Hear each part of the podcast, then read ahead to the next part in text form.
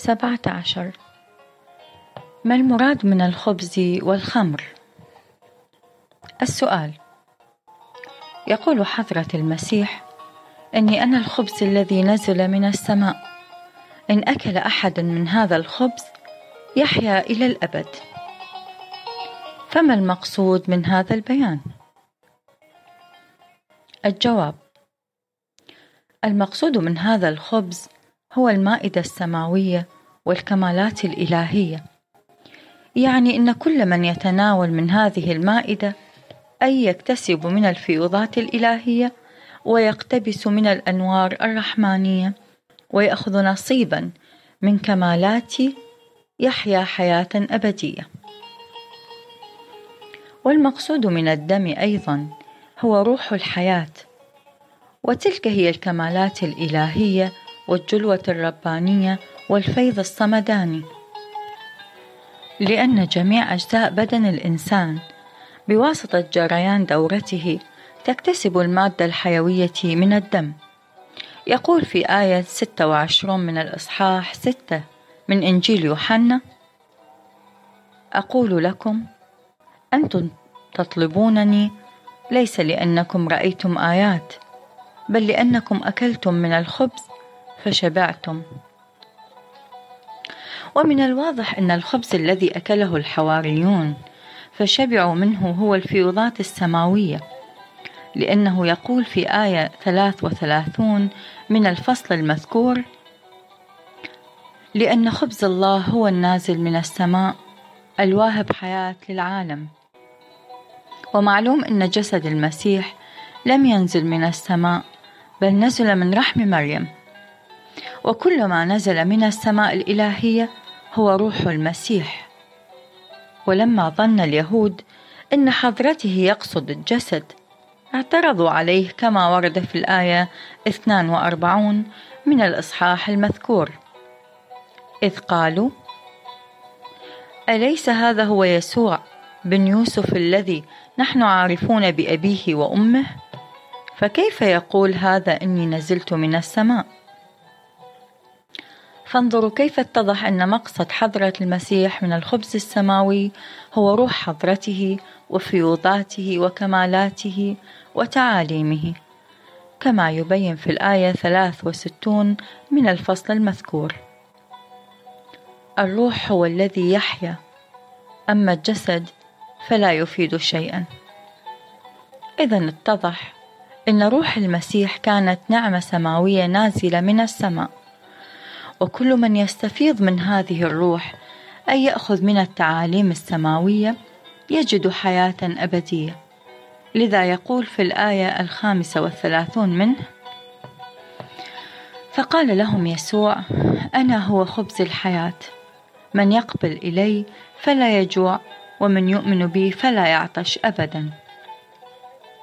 فلاحظوا كيف أنه يوضح الأكل بالإقبال والشرب بالإيمان. إذا صار من الواضح المحقق أن المائدة السماوية والفيوضات الرحمانية والتجليات الروحية والتعاليم السماوية والمعاني الكلية هي حضرة المسيح.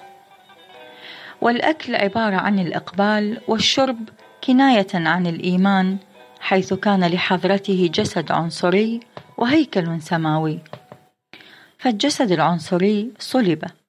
وأما الهيكل السماوي فحي باق وسبب الحياة الأبدية. الجسد العنصري كان طبيعة بشرية والهيكل السماوي كان طبيعة رحمانية.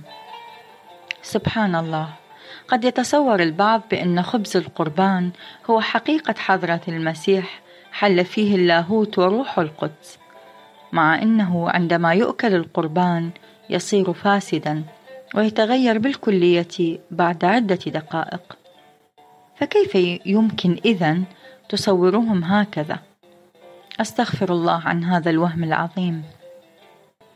وخلاصة المقال إن بظهور حضرة المسيح انتشرت تعاليمه المقدسة التي هي الفيض الأبدي وسطعت أنوار الهداية وبذلت روح الحياة للحقائق الإنسانية. فكل من اهتدى صار حيا ومن ظل مات موتا أبديا. وذلك الخبز النازل من السماء هو الهيكل الملكوتي لحضرة المسيح وعنصره الروحاني. وهو الذي تناول منه الحواريون ففازوا بالحياة الأبدية.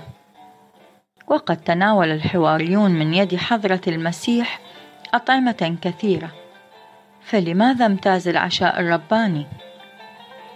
إذا صار من المعلوم أنه ليس المراد من الخبز السماوي الخبز العنصري بل المقصود منه المائدة الإلهية والهيكل الروحاني لحضرة المسيح.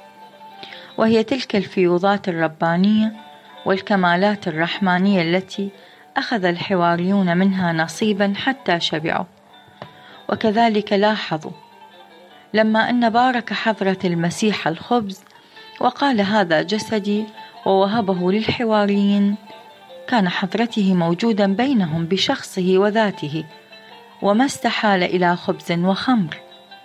ولو استحال إلى خبز وخمر لوجب بعد هذا أن لا يكون حضرة المسيح مجسما ولا مشخصا ولا معينا عند الحواريين في ذلك الوقت.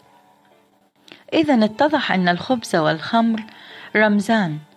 أراد بهما أن يقول أعطيت لكم فيوضاتي وكمالاتي وحيث إنكم استفضتم منها فقد وجدتم حياة أبدية وفزتم بحظ من المائدة السماوية.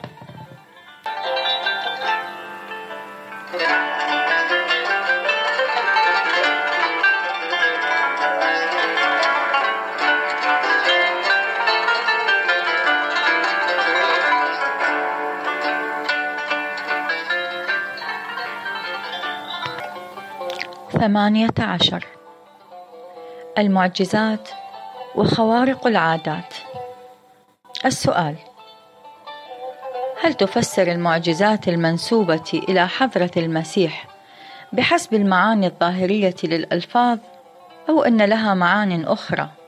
وقد ثبت علميا أن حقائق الأشياء لا تتغير وأن جميع الكائنات خاضعة لقانون ونظام كلي لا تتخلف عنه أبدا. ولهذا لا يمكن خرق القانون الكلي. الجواب إن المظاهر المقدسة الإلهية هم مصادر المعجزات ومظاهر الآثار العجيبة فكل أمر مشكل وغير ممكن يصير ممكنا وجائزا بالنسبة إليهم. لأنه بقوة خارقة للعادة يظهر منهم خارق للعادة. وبقدرة ما وراء الطبيعة يؤثرون في عالم الطبيعة. ومنهم جميعا قد صدرت عجائب الأمور ولها في الكتب المقدسة اصطلاح خاص في حين إن المظاهر الإلهية لا يعلقون على تلك المعجزات ولا تلك الآثار العجيبة إيه أهمية. حتى إنهم لا يريدون ذكرها لأننا لو اعتبرناها أعظم برهان على صدقهم لكان ذلك حجة وبرهانا بالنسبة لمن كان موجودا وشهد المعجزات دون سواه. فمثلا لو تروى معجزات معجزات حضرة موسى وحضرة المسيح لشخص طالب للحقيقة غير مؤمن بهما فإنه ينكرها ويقول قد رويت أيضا عن الأصنام آثار عجيبة بشهادة خلق كثير ودونت في الكتب. وقد كتب البراهمة كتابا دونوا فيه الآثار العجيبة التي صدرت من برهمة. فيقول الطالب أيضا ومن أين نعرف صدق اليهود والنصارى وكذب البراهمة؟ فكلاهما رواية وكلاهما خبر متواتر وكلاهما مدون في الكتب وكلاهما يحتمل الصدق والكذب. وبمثل هذا يقال فيما ترويه الملل الأخرى. فأن صدق أحدها لزم صدق الآخرين وأن قبل أحدها وجب قبول الآخرين. فمن أجل هذا لا تكون المعجزات برهانا وإن صح أن تكون برهانا للحاضرين. فلا يصح أن تكون حجة على الغائبين. أما أهل البصيرة في يوم الظهور فهم يعتبرون جميع شؤون مظهر الظهورات معجزات لأنها تمتاز عما سواها وما دامت ممتازة فهي خارقة للعادة. فحضرة المسيح رفع العلم الإلهي أمام من على الأرض وقاومهم جميعا فريدا وحيدا بدون ظهير ولا نصير ولم يكن له جند ولا جيوش بل كان مضطهدا مظلوما. ومع هذا ففي النهاية غلب الجميع ولو أنه صلب في الظاهر فهذه القضية معجزة محضة لا يمكن إنكارها أبدا. فلا حاجة بعد إذن إلى برهان آخر يثبت أحقية حضرة المسيح. وليس للمعجزات الظاهرية أهمية لدى أهل الحقيقة. فمثلا لو صار الأعمى مبصرا فإنه في النهاية سيفقد بصره ثانية عندما يموت. ويحرم من جميع الحواس والقوى. فلا أهمية إذن لإبصار الأعمى إذ إن هذه القوى مصيرها أن تزول. وكذلك ما فائدة إحياء جسم الميت الذي سيموت مرة أخرى؟ أما الأهمية ففي إعطاء البصيرة والحياة الأبدية أي الحياة الروحية الإلهية. لأن هذه الحياة الجسمانية لا بقاء لها ووجودها يعني العدم. مثال على ذلك إن حضرة المسيح يقول في جواب أحد التلاميذ دع الموتى يدفنون الموتى المولود من الجسد جسد هو والمولود من الروح فهو الروح. فلاحظوا أن تلك النفوس مع أنها كانت أحياء بالأجسام إلا أن المسيح اعتبرها أمواتا. لأن الحياة هي الحياة الأبدية والوجود هو الوجود الحقيقي. فمن أجل هذا لو ذكر إحياء الموتى في الكتب المقدسة فالمقصود أنهم نالوا الحياة الأبدية. وكذلك لو ذكر إبصار العمى فالمقصود من هذا الإبصار هي البصيرة الحقيقية. وكذلك لو ذكر إسماع الصم فالمقصود حصول السمع الروحي ونيله السمع الملكوتي.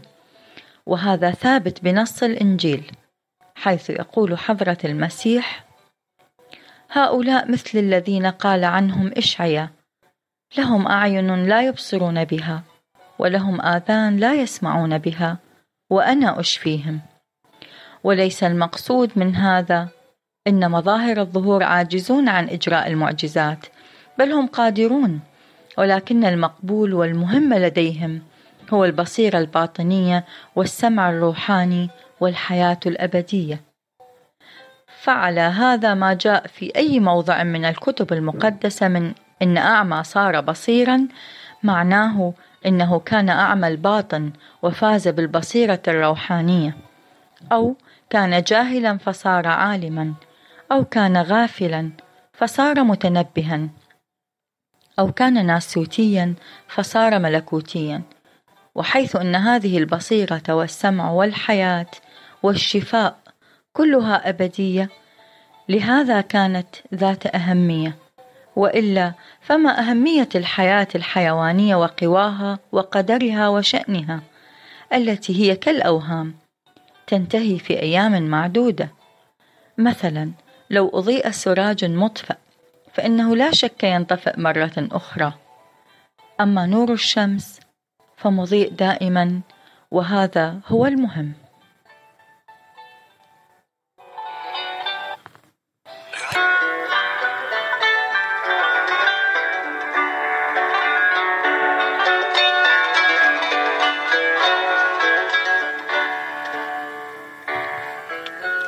تسعة عشر. قيام المسيح بعد ثلاثة أيام السؤال ما معنى قيام المسيح بعد ثلاثة أيام؟ الجواب ليس قيام المظاهر الإلهية قياما جسديا فجميع شؤونهم وحالاتهم وأعمالهم وتأسيساتهم وتعاليمهم وتعبيرهم وتشبيههم وترتيبهم عبارة عن أمور روحية معنوية لا تتعلق بالجسمانيات. مثلا مسألة مجيء المسيح من السماء هذه مصرح بها في مواضع متعددة من الإنجيل حيث يقول جاء ابن الإنسان من السماء وابن الإنسان في السماء وسيذهب إلى السماء. وكما يقول في الإصحاح السادس من إنجيل يوحنا الآية 38 لأني قد نزلت من السماء. وكذلك في الآية الثانية والأربعين منه وقالوا أليس هذا هو يسوع بن يوسف الذي نحن عارفون بأبيه وأمه؟ فكيف يقول هذا إني نزلت من السماء؟ وكذلك في إنجيل يوحنا في الإصحاح الثالث الآية الثالثة عشرة يقول وليس أحد صعد إلى السماء إلا الذي نزل من السماء. ابن الإنسان الذي هو في السماء. فلاحظوا أنه يقول ابن الإنسان في السماء والحال أن حضرته في ذلك الوقت كان على الأرض. وكذلك لاحظوا لاحظوا أنه يقول صراحة جاء المسيح من السماء والحال أنه أتى من رحم مريم وتولد جسم حضرته من العذراء. إذا اتضح أن المقصود من هذه العبارة التي يقول فيها جاء ابن الإنسان من السماء أمر معنوي لا ظاهري روحي لا جسماني. يعني وإن كان حضرة المسيح تولد من رحم مريم ظاهرا ولكنه في الحقيقة قد أتى من السماء. مركز شمس الحقيقة العالم الإلهي الملكوت الرحماني. وحيث اتضح أن حضرة المسيح أتى من السماء الروحية والملكوت الإلهي فالمقصود إذا من بقاء حضرته ثلاثة أيام في القبر أيضا أمر معنوي لا ظاهري. وكذلك قيام حضرته من بطن الأرض أيضا أمر معنوي وكيفية روحانية لا جسمانية. وكذلك صعود المسيح أيضا إلى السماء أمر روحاني لا جسماني. وفضلا عن هذا البيان فقد ثبت وتحقق علميا أن هذه السماء الظاهرة فضاء غير متناه وفراغ خلاء تسبح فيه النجوم والكواكب التي لا عداد لها. لهذا نقول إن قيام المسيح عبارة عن اضطراب الحواريين وحيرتهم بعد شهادة حضرته. وقد خفيت واستترت حقيقة المسيح التي هي عبارة عن التعاليم والفيوضات والكمالات والقوة الروحية المسيحية مدة يومين أو ثلاثة بعد استشهاد حضرته. ولم يكن لها جلوة ولا ظهور بل كانت في حكم المفقود لأن المؤمنين كانوا أنفسا معدودة وكانوا أيضا مضطربين حائرين. فبقي أمر حضرة الروح روح الله كجسم لا روح فيه. ولما رسخ حضرات الحواريون وثبتوا بعد ثلاثة أيام وقاموا على خدمة أمر المسيح وصمموا على ترويج التعاليم الإلهية وإجراء وصايا المسيح والقيام على خدمة المسيح تجلت لهم حقيقة المسيح. فظهرت فيوضاته وسرت روح الحياة في شريعته. يعني أن أمر المسيح كان كجسم بلا روح فدخلته الحياة وأحاط به فيض روح القدس. هذا هو معنى قيام المسيح وقد كان قياما حقيقيا. ولما لم يفهم القسس المعنى الإنجيلي ولم يهتدوا إلى رمزه قالوا إن الدين مخالف للعلم والعلم معارض للدين. لأن من جملة هذه المسائل مسألة صعود حضرة المسيح بجسمه العنصري إلى هذه السماء الظاهرة وذلك مخالف للعلوم الرياضية. ولكن عندما تنكشف حقيقة هذه المسألة ويفسر هذا الرمز فإنها لا تتعارض مع العلم بأي وجه من الوجوه بل العلم والعقل يصدقانها ويؤيدانها.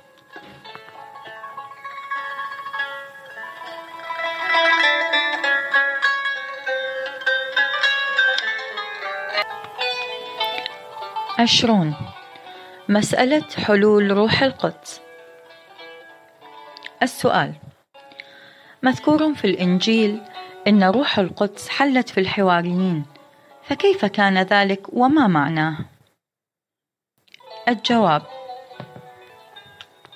إن حلول روح القدس ليس كحلول الهواء في جوف الإنسان بل هو تعبير وتشبيه لا تصوير وتحقيق. بل هو كحلول الشمس في المرآة يعني ظهور تجلي الشمس فيها. فالحواريون بعد صعود حضرة المسيح اضطربوا واختلفت آراءهم وتشتت أفكارهم ثم ثبتوا واتحدوا واجتمعوا في عيد العنصرة. وانقطعوا وغضوا الطرف عن أنفسهم وتركوا راحة هذا العالم ومسراته. وفدوا بأجسامهم وأرواحهم في سبيل المحبوب وتركوا الأهل والأوطان وأصبحوا بلا ملجأ ولا مأوى وزهدوا في كل شيء حتى نسوا ذواتهم. فأتاهم التأييد الإلهي وظهرت قوة روح القدس وغلبت روحانية المسيح وأخذت محبة الله زمام أنفسهم من أيديهم. فتقووا في ذلك اليوم. وتوجه كل واحد منهم إلى جهة لتبليغ أمر الله ونطق بالحجة والبرهان. إذا فحلول روح القدس عبارة عن انجذابهم بالروح المسيحي واستقامتهم وثباتهم حتى اكتسبوا من روح الله محبة الله حياة جديدة ورأوا حضرة المسيح حيا ومعينا وظهيرا إذ كانوا قطرات فصاروا بحورا وبعوضا فأصبحوا عقاب السماء وضعافا فأصبحوا أقوياء. فمثل هؤلاء كمثل المرايا قبالة الشمس فلا بد وأن تسطع فيها أنوارها وأشعتها.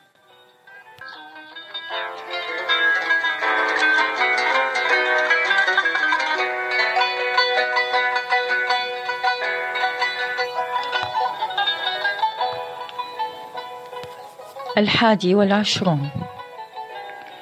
المقصود من روح القدس. السؤال ما هو المقصود من روح القدس؟ الجواب المقصود من روح القدس هو الفيض الإلهي والأشعة الساطعة من مظهر الظهور لأن المسيح كان مركز أشعة شمس الحقيقة ومن هذا المركز الجليل أشرقت حقيقة المسيح بالفيض الإلهي على سائر المرايا التي كانت حقائق الحواريين. والمقصود من حلول روح القدس على الحواريين هو أن ذلك الفيض الجليل الإلهي تجلى وأفاض على حقائق الحواريين ليس إلا حيث الدخول والخروج والنزول والحلول من خواص الأجسام لا الارواح يعني إن الدخول والحلول للحقائق المحسوسة لا للطائف المعقولة. فالحقائق المعقولة مثل العقل والحب والعلم والتصور والفكر ليس لها دخول ولا خروج ولا حلول بل هي عبارة عن العلاقة الروحية. مثلا العلم الذي هو عبارة عن الصور الحاصلة لدى العقل هو أمر معقول والدخول والخروج بالنسبة للعقل أمر موهوم بل له تعلق حصولي كالصور المنطبعة في المرآة وحيث تثبت بالبرهان إنه ليس للحقائق المعقولة دخول ولا حلول. فلا شك إن الصعود والنزول والدخول والخروج والمزج والحلول لروح القدس ممتنع محال. وغاية ما هنالك إن روح القدس كالشمس تجلت في المرآة وفي بعض المواضع من الكتب المقدسة تذكر الروح والمقصود منها الشخص كما هو مصطلح عليه في المخاطبات والمكالمات. إن الشخص الفلاني روح مجسم وحمية ومروءة مشخصة فليس النظر في هذا المقام إلى الزجاج بل إلى السراج. كما يقول في إنجيل يوحنا عند ذكر الموعود بعد حضرة المسيح في الآية الثانية عشر من الإصحاح السادس عشر. إن لي أمورا كثيرة. أيضا لأقول لكم ولكن لا تستطيعون أن تتحملوا الآن. وأما متى جاء ذاك الروح الحق فهو يرشدكم إلى جميع الحق. لأنه لا يتكلم من نفسه بل كل ما يسمع يتكلم به. فانظروا بدق بدقة في هذه العبارة لأنه لا يتكلم من نفسه بل كل ما يسمع يتكلم به. تجد أن روح الحق هذا هو إنسان مجسم له نفس وله أذن تسمع ولسان ينطق وكذلك يطلق روح الله على حضرة المسيح مثل ما تقول سراج ومرادك السراج مع الزجاج.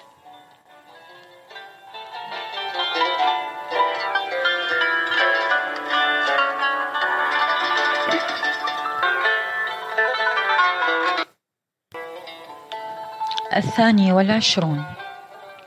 المجيء الثاني للمسيح ويوم الدينونة. السؤال ما معنى المجيء الثاني للمسيح ويوم الدينونة؟ الجواب مذكور في الكتب المقدسة إن المسيح سيجيء مرة أخرى ومجيئه مشروط بتحقق علامات معينة وظهوره مقترن بتلك العلامات ومن جملتها تظلم الشمس والقمر لا يعطي ضوءه والنجوم تسقط من السماء وقوات السماوات تتزعزع وحينئذ تظهر علامة ابن الإنسان في السماء. وحينئذ تنوح جميع قبائل الأرض ويبصرون ابن الإنسان آتيا على سحاب السماء بقوة ومجد كبير. وقد فسر حضرة بهاء الله هذه الآيات وشرحها في كتاب الإيقان. فلا حاجة للتكرار فارجعوا إليه تدركوا معاني تلك الكلمات. إلا أني سأتكلم الآن بإيجاز في هذا الموضوع وهو أن السيد المسيح في مجيئه في مجيئه الأول أيضا أتى من السماء كما هو مصرح في الإنجيل. حتى أن نفس, نفس المسيح يقول جاء ابن الإنسان من السماء وابن الإنسان في السماء ولا يصعد إلى السماء إلا الذي أتى من السماء. ومن المسلم لدى العموم إن المسيح أتى من السماء حال إنه أتى بحسب الظاهر من رحم مريم كما أن مجيئه في المرة الأولى كان في الحقيقة من السماء وإن كان بحسب الظاهر أتى من الأرحام. كذلك يكون مجيئه الثاني بحقيقته أيضا من السماء ولو يأتي بحسب الظاهر من الأرحام. والشروط المذكورة في الإنجيل بخصوص مجيء المسيح ثانية هي نفس الشروط المصرح بها في المجيء الأول كما سبق من قبل. وفي كتاب إشعيا مذكور أن المسيح يفتح الشرق والغرب ويدخل جميع ملل العالم في ظله وتتشكل سلطنته ويأتي من مكان غير معلوم ويدان المذنبون وتجرى العدالة لدرجة إن الذئب والحمل والنمر والجدي والأفعى والطفل الرضيع تجتمع كلها على معين واحد ومرعى واحد ووكر واحد. وقد كان مجيئه الأول أيضا مشروطا بهذه الشروط مع أنه لم يقع بحسب الظاهر أي شرط من هذه الشروط. فلهذا اعترض اليهود على المسيح وأستغفر الله فقد عبروا عن المسيح بالمسيخ. واعتبره هادم البنيان الإلهي ومخرب السبت والشريعة وأفتوا بقتله. والحال إنه كان لتلك الشروط كلا وطرا معاني ولكن اليهود لم يهتدوا إليها ولذلك احتجبوا. وكذلك المجيء الثاني للمسيح على هذا المنوال ولجميع العلائم والشروط الموضحة معان ولا يصح أن تؤخذ بحسب ظاهرها. لأنها لو أخذت حسب الظاهر فلا يتحقق قول حضرة المسيح تتساقط جميع النجوم على الأرض مع أن النجوم لا حد لها ولا حصر ومن الثابت المحقق علميا لدى الرياضيين الحاليين أن جرم الشمس أعظم من جرم الأرض بما يقارب من مليون ونصف مرة. وكل واحدة من هذه النجوم الثوابت أعظم من الشمس ألف مرة. فلو تسقط هذه النجوم على وجه الأرض فكيف تجد لها محلا؟ وهي إذا سقطت كان سقوطها كسقوط ألف مليون جبل كجبال هملايا على حبة خردل. فهذه القضية عقلا وعلما بل وبداهة من ضروب المحال وليست ممكنة. وأعجب من هذا أن المسيح يقول لعلي آت وأنتم لا تزالون نائمين.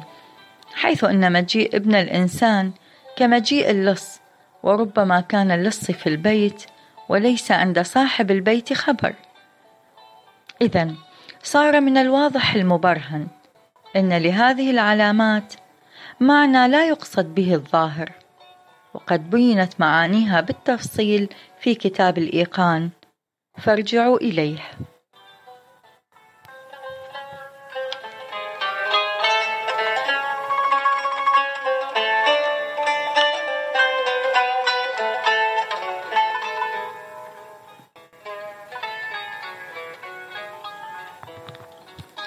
ثلاث وعشرون.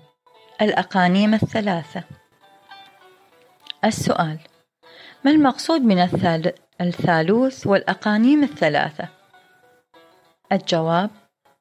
إن حقيقة الألوهية المقدسة عن أن تدركها الكائنات المنزهة عن أن يتصورها ذوي العقول والأفهام.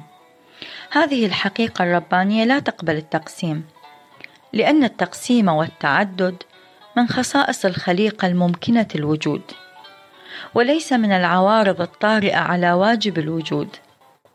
إن الذات الإلهية مقدسة عن التوحيد فما بالك بالتعدد؟ والحقيقة الربانية لهي أسمى من أن يتصور لها مقام أو مرتبة لأن ذلك عين النقص ومناف للكمال وأمر ممتنع ومحال. لأنها ما زالت ولا تزال في علو التقديس والتنزيه. وكل ما يذكر من الظهور والإشراق الإلهي فالمقصود منه هو التجلي الإلهي لا التنزل في مراتب الوجود. فالحق كمال محض والخلق نقصان صرف وتنزل الحق في مراتب الوجود له عين النقص. ولكن ظهوره وإشراقه كتجلي الشمس على المرآة الصافية اللطيفة الشفافة. فجميع ما في الكون آيات باهرات للحق. كالكائنات الأرضية التي سطعت عليها أشعة الشمس. ولكنها تلقي هذه الأشعة على الصحارى والجبال والأشجار والأثمار على قدر تظهر وتتربى وتصل إلى الغاية المقصودة من وجودها.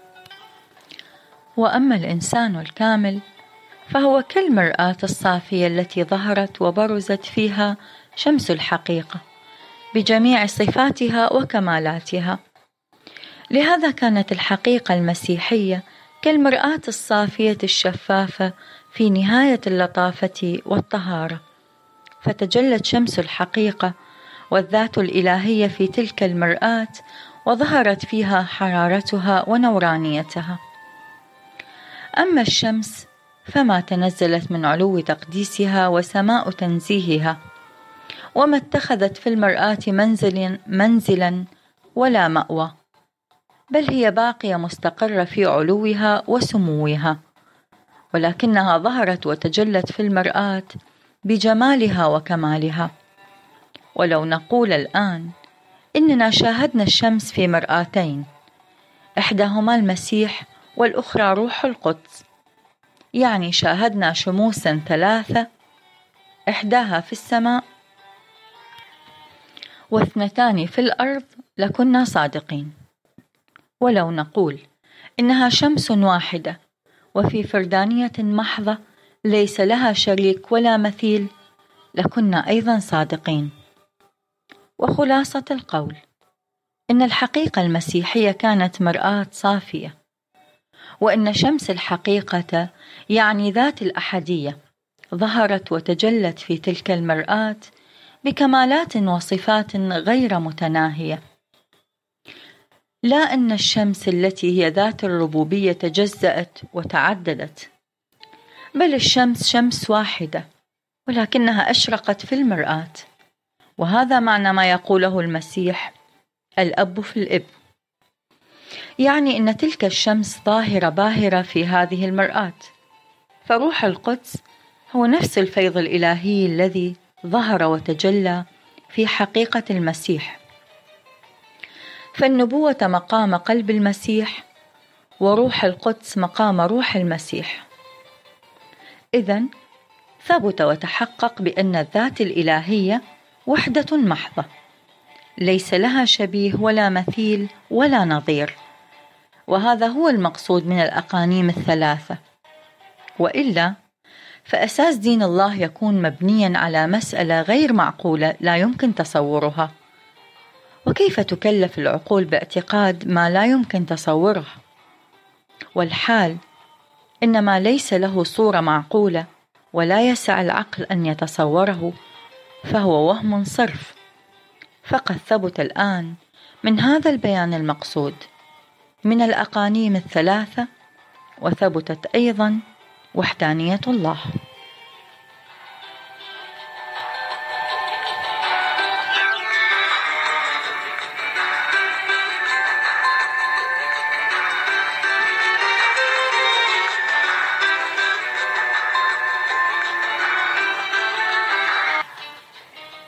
أربعة وعشرون. تفسير الآية الخامسة. من الإصحاح السابع عشر من إنجيل يوحنا السؤال ما معنى الآية؟ والآن مجدني أنت أيها الأب عند ذاتك بالمجد الذي كان لي عندك قبل كون العالم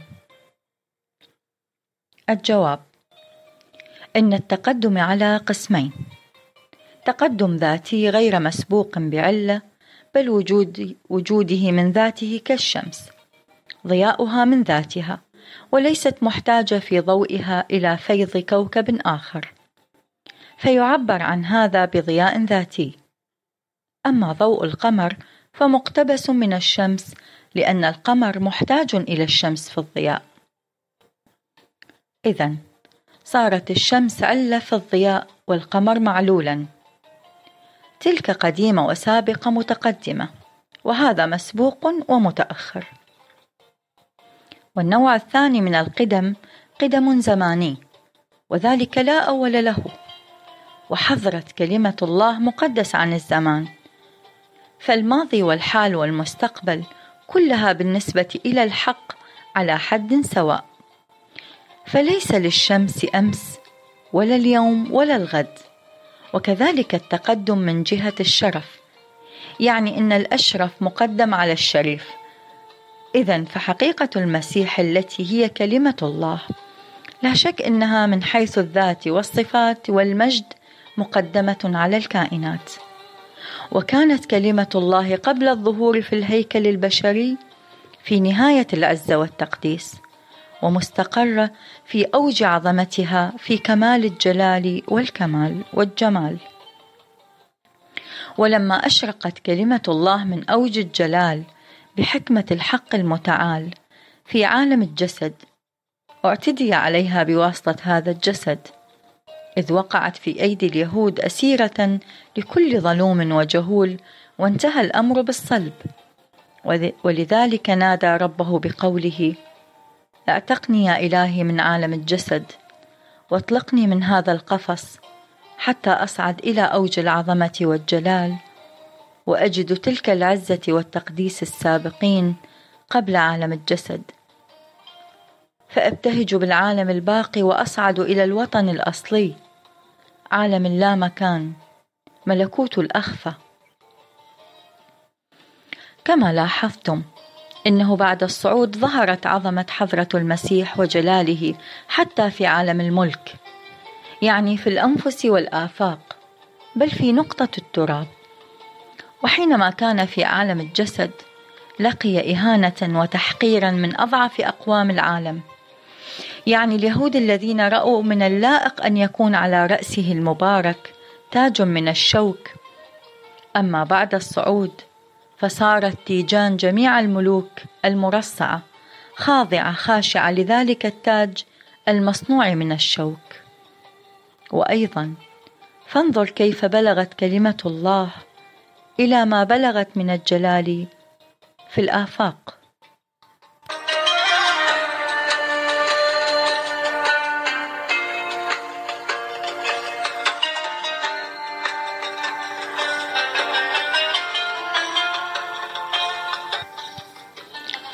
خمس وعشرون. تفسير الآية اثنان وعشرون من الإصحاح الخامس عشر من رسالة بولس الأولى إلى كورنثوس. السؤال مكتوب في الآية الثانية والعشرون من الإصحاح الخامس عشر من رسالة بولس الأولى إلى كورنثوس لأنه كما في آدم يموت الجميع هكذا في المسيح يحيا الجميع. الجواب اعلم إن في الإنسان طبيعتين طبيعة جسمانية وطبيعة روحانية. فالطبيعة الجسمانية موروثة من آدم والطبيعة الروحانية موروثة من حقيقه حقيقة كلمة الله وهي روحانية حضرة المسيح. فالطبيعة الجسمانية تولدت من آدم وأما الطبيعة الروحانية فمتولدة من فيض روح القدس. الطبيعة الجسمانية مصدر كل نقص والطبيعة الروحانية مصدر كل كمال. وقد فدى حضرة المسيح بنفسه ليخلص الخلق من نقائص الطبيعة الجسمانية وليتصفوا بفضائل الطبيعة الروحانية. وهذه الطبيعة الروحانية التي تحققت من فيض الحقيقة الرحمانية جامعة لجميع الكمالات وظهرت من نفخة روح القدس وهذه الطبيعة لهي كمالات إلهية وهي أنوار روحانية وهداية ورفعة وعلو همة وهي عدالة ومحبة وموهبة ورأفة بجميع الخلق وهي بر وخير وحياة في حياة. وهذه الطبيعة الروحانية تجل من إشراق شمس الحقيقة. فالمسيح هو مركز روح القدس ومولود من روح القدس ومبعوث بروح القدس ومن سلالة روح القدس. يعني ليست الحقيقة المسيحية من سلالة آدم بل هي وليدة روح القدس. إذا فالمقصود من الآية الثانية والعشرون من إصحاح الخامس عشر من رسالة بولس. لأهل كورنتيان التي يقول فيها لأنه كما في آدم يموت الجميع هكذا في المسيح سيحيا الجميع. هو أن آدم حسب الاصطلاح أبو البشر يعني أنه سبب الحياة الجسمانية للنوع الإنساني وله أبوة جسمانية ونفس حية ولكن ليست بمحيية. وإن حضرة المسيح هو سبب حياة البشر الروحانية وله الأبوة الروحانية من حيث الروح. فآدم نفس حية والمسيح روح محيية. وهذا العالم الجسماني للإنسان له قوى شهوانية ومن لوازم القوة الشهوانية العصيان لأن القوى الشهوانية ليست تحت قانون العدل والحق. إذ إن جسم الإنسان أسير الطبيعة وكلما تحكمت به الطبيعة يتحرك بمقتضاها. إذا ثبت أن الخطيئة موجودة في العالم الإنساني الجسماني كالغضب والحسد والنزاع والحرص والطمع والجهل والتعصب والإفساد والتكبر والظلم. فجميع هذه الصفات البهيمية موجودة في طبيعة الإنسان. لأن الإنسان لم يتربى التربية الروحانية. هو حيوان كمتوحشي أواسط أفريقيا. إذ إن حركات هؤلاء وسكناتهم وأخلاقهم شهوانية محضة. يعملون حسب ما تمليه عليهم الطبيعة حتى أنهم ليفترس ويأكل بعضهم بعضا. إذا اتضح أن العالم الجسماني للإنسان عالم خطيئة وعصيان. وليس للإنسان في العالم الجسماني امتياز عن الحيوان. فكل الخطايا من مقتضيات الطبيعة وتلك المقتضيات الطبيعية التي هي من الخصائص الجسمانية بالنسبة للحيوان ليست بخطايا ولكنها خطايا بالنسبة للإنسان. فالحيوان مصدر النقائص كالغضب والشهوة والحسد والحرص والاعتداء والتعاظم. يعني إن جميع الخلائق الذميمة كامنة في طبيعة الحيوان فهي بالنسبة إليه ليست بخطيئة. أما بالنسبة إلى الإنسان فهي خطيئة. فحضرة آدم هو سبب حياة الإنسان الجسمانية.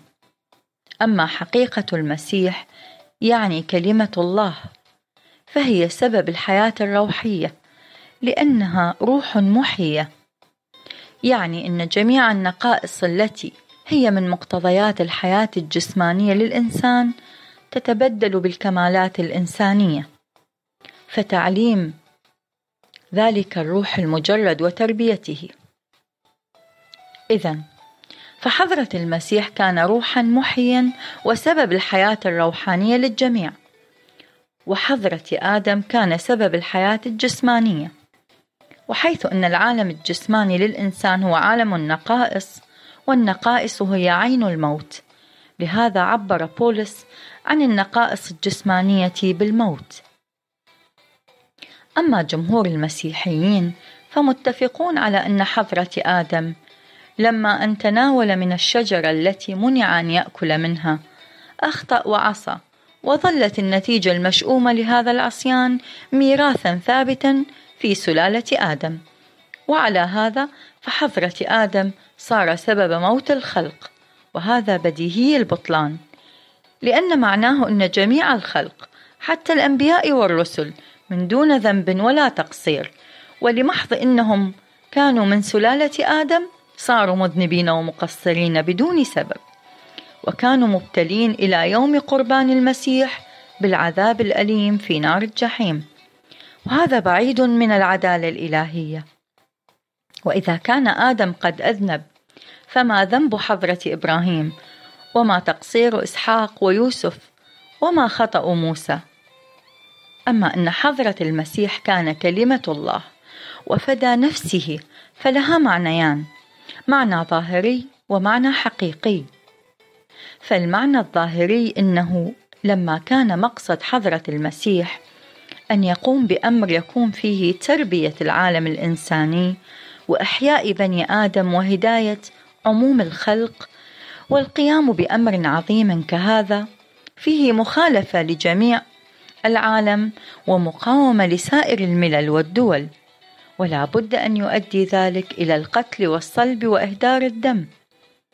لهذا فدى حضرة المسيح روحه حينما أظهر أمره وعد الصليب سريرا والجرح مرهما والسم شهدا وسكرا. وقام بتعليم الناس وتربيتهم يعني فدى بنفسه حتى يهب روح الحياة وفنى بجسده ليحيا الآخرين بالروح. أما المعنى الثاني للفداء فهو أن حضرة المسيح كان مثل حبة ضحت صورتها لتنمو الشجره منها وتعلو. ولو أن صورة الحبة تلاشت إلا أن حقيقتها ظهرت على هيئة الشجرة بكمال العظمة واللطافة. فمقام المسيح كان كمالا محضا فأشرقت تلك الكمالات الإلهية كالشمس على جميع النفوس المؤمنة. وسطعت ولمعت في وضات الأنوار في حقائق النفوس. ولهذا يقول أنا الخبز النازل من السماء وكل من يتناول من هذا الخبز لا يموت. يعني إن كل من يأخذ نصيبا من هذا الغذاء الإلهي يصل إلى الحياة الأبدية. ولذلك كان كل من أخذ نصيبا من هذا الفيض واقتبس من هذه الكمالات وجد حياة أبدية واستفاض من فيض القدم وخرج من ظلمات الضلالة. واستنار بنور الهداية. ومع إن صورة الحبه صارت فداء للشجرة إلا أنها ظهرت وانكشفت كمالاتها بسبب هذا الفداء. لأن الشجرة والأغصان والأوراق والأزهار كانت مخفية مستورة في الحبه فلما أن ضحت الحبة بصورتها ظهرت كمالاتها وتجلت بكمال الظهور على هيئة الأوراق والبراعم والأثمار.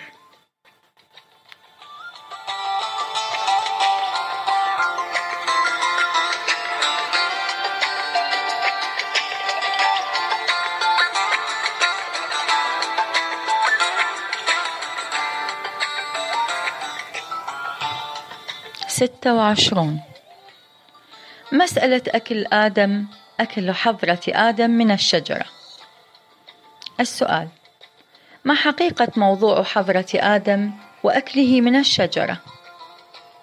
الجواب ذكر في التوراة وأخذ الرب الإله آدم ووضعه في جنة عدن ليعملها ويحفظها وأوصى الرب الإله آدم قائلا من جميع أشجار الجنة تأكل أكلا.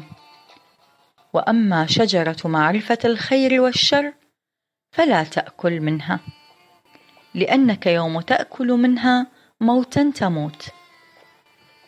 إلى قوله فأوقع الرب الإله سباتا على آدم فقام فأخذ واحدة من أضلاعه وملأ مكانها لحما وبنى الرب الإله الضلع التي أخذها من آدم امرأة وأحضرها إلى آدم إلى أن يقول فدلت الحية المرأة على الأكل من أثمار الشجرة الممنوعة وقالت إن الله منعكما عن تناول هذه الشجرة لئلا تنفتح عيناكما وتعلمان الخير والشر.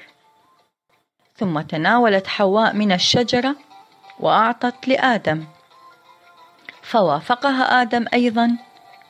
ففتحت عيناهما ووجدا نفسيهما عريانين وسترا عورتيهما من ورق الشجرة. ثم عوتبا بعتاب إلهي فقال الله لآدم هل أكلت من الشجرة الممنوعة؟ فقال آدم في الجواب إن حواء دلتني. فعاتب الله حواء فقالت حواء إن الحية دلتني وصارت الحية ملعونة وحصلت العداوة بين الحية وسلالة آدم وحواء. وقال الله صار الإنسان نظيرنا واطلع على الخير والشر فلعله تناول من شجرة الحياة فيبقى إلى الأبد. فحفظ الله شجرة الحياة.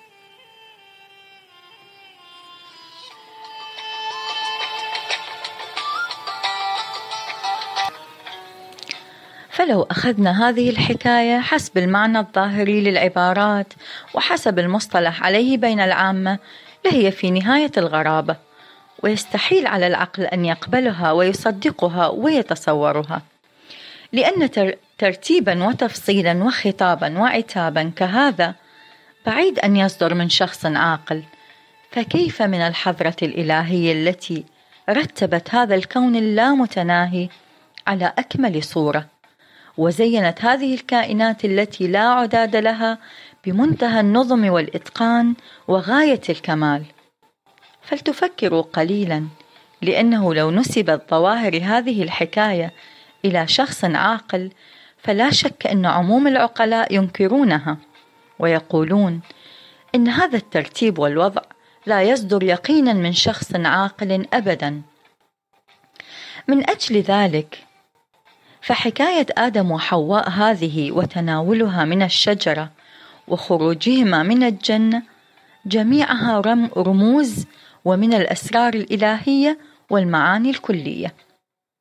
ولها تأويل بديع ولا يعرف كنها هذه الرموز ومعانيها إلا أولي الأسرار والمقربون لدى الله الغني المتعال.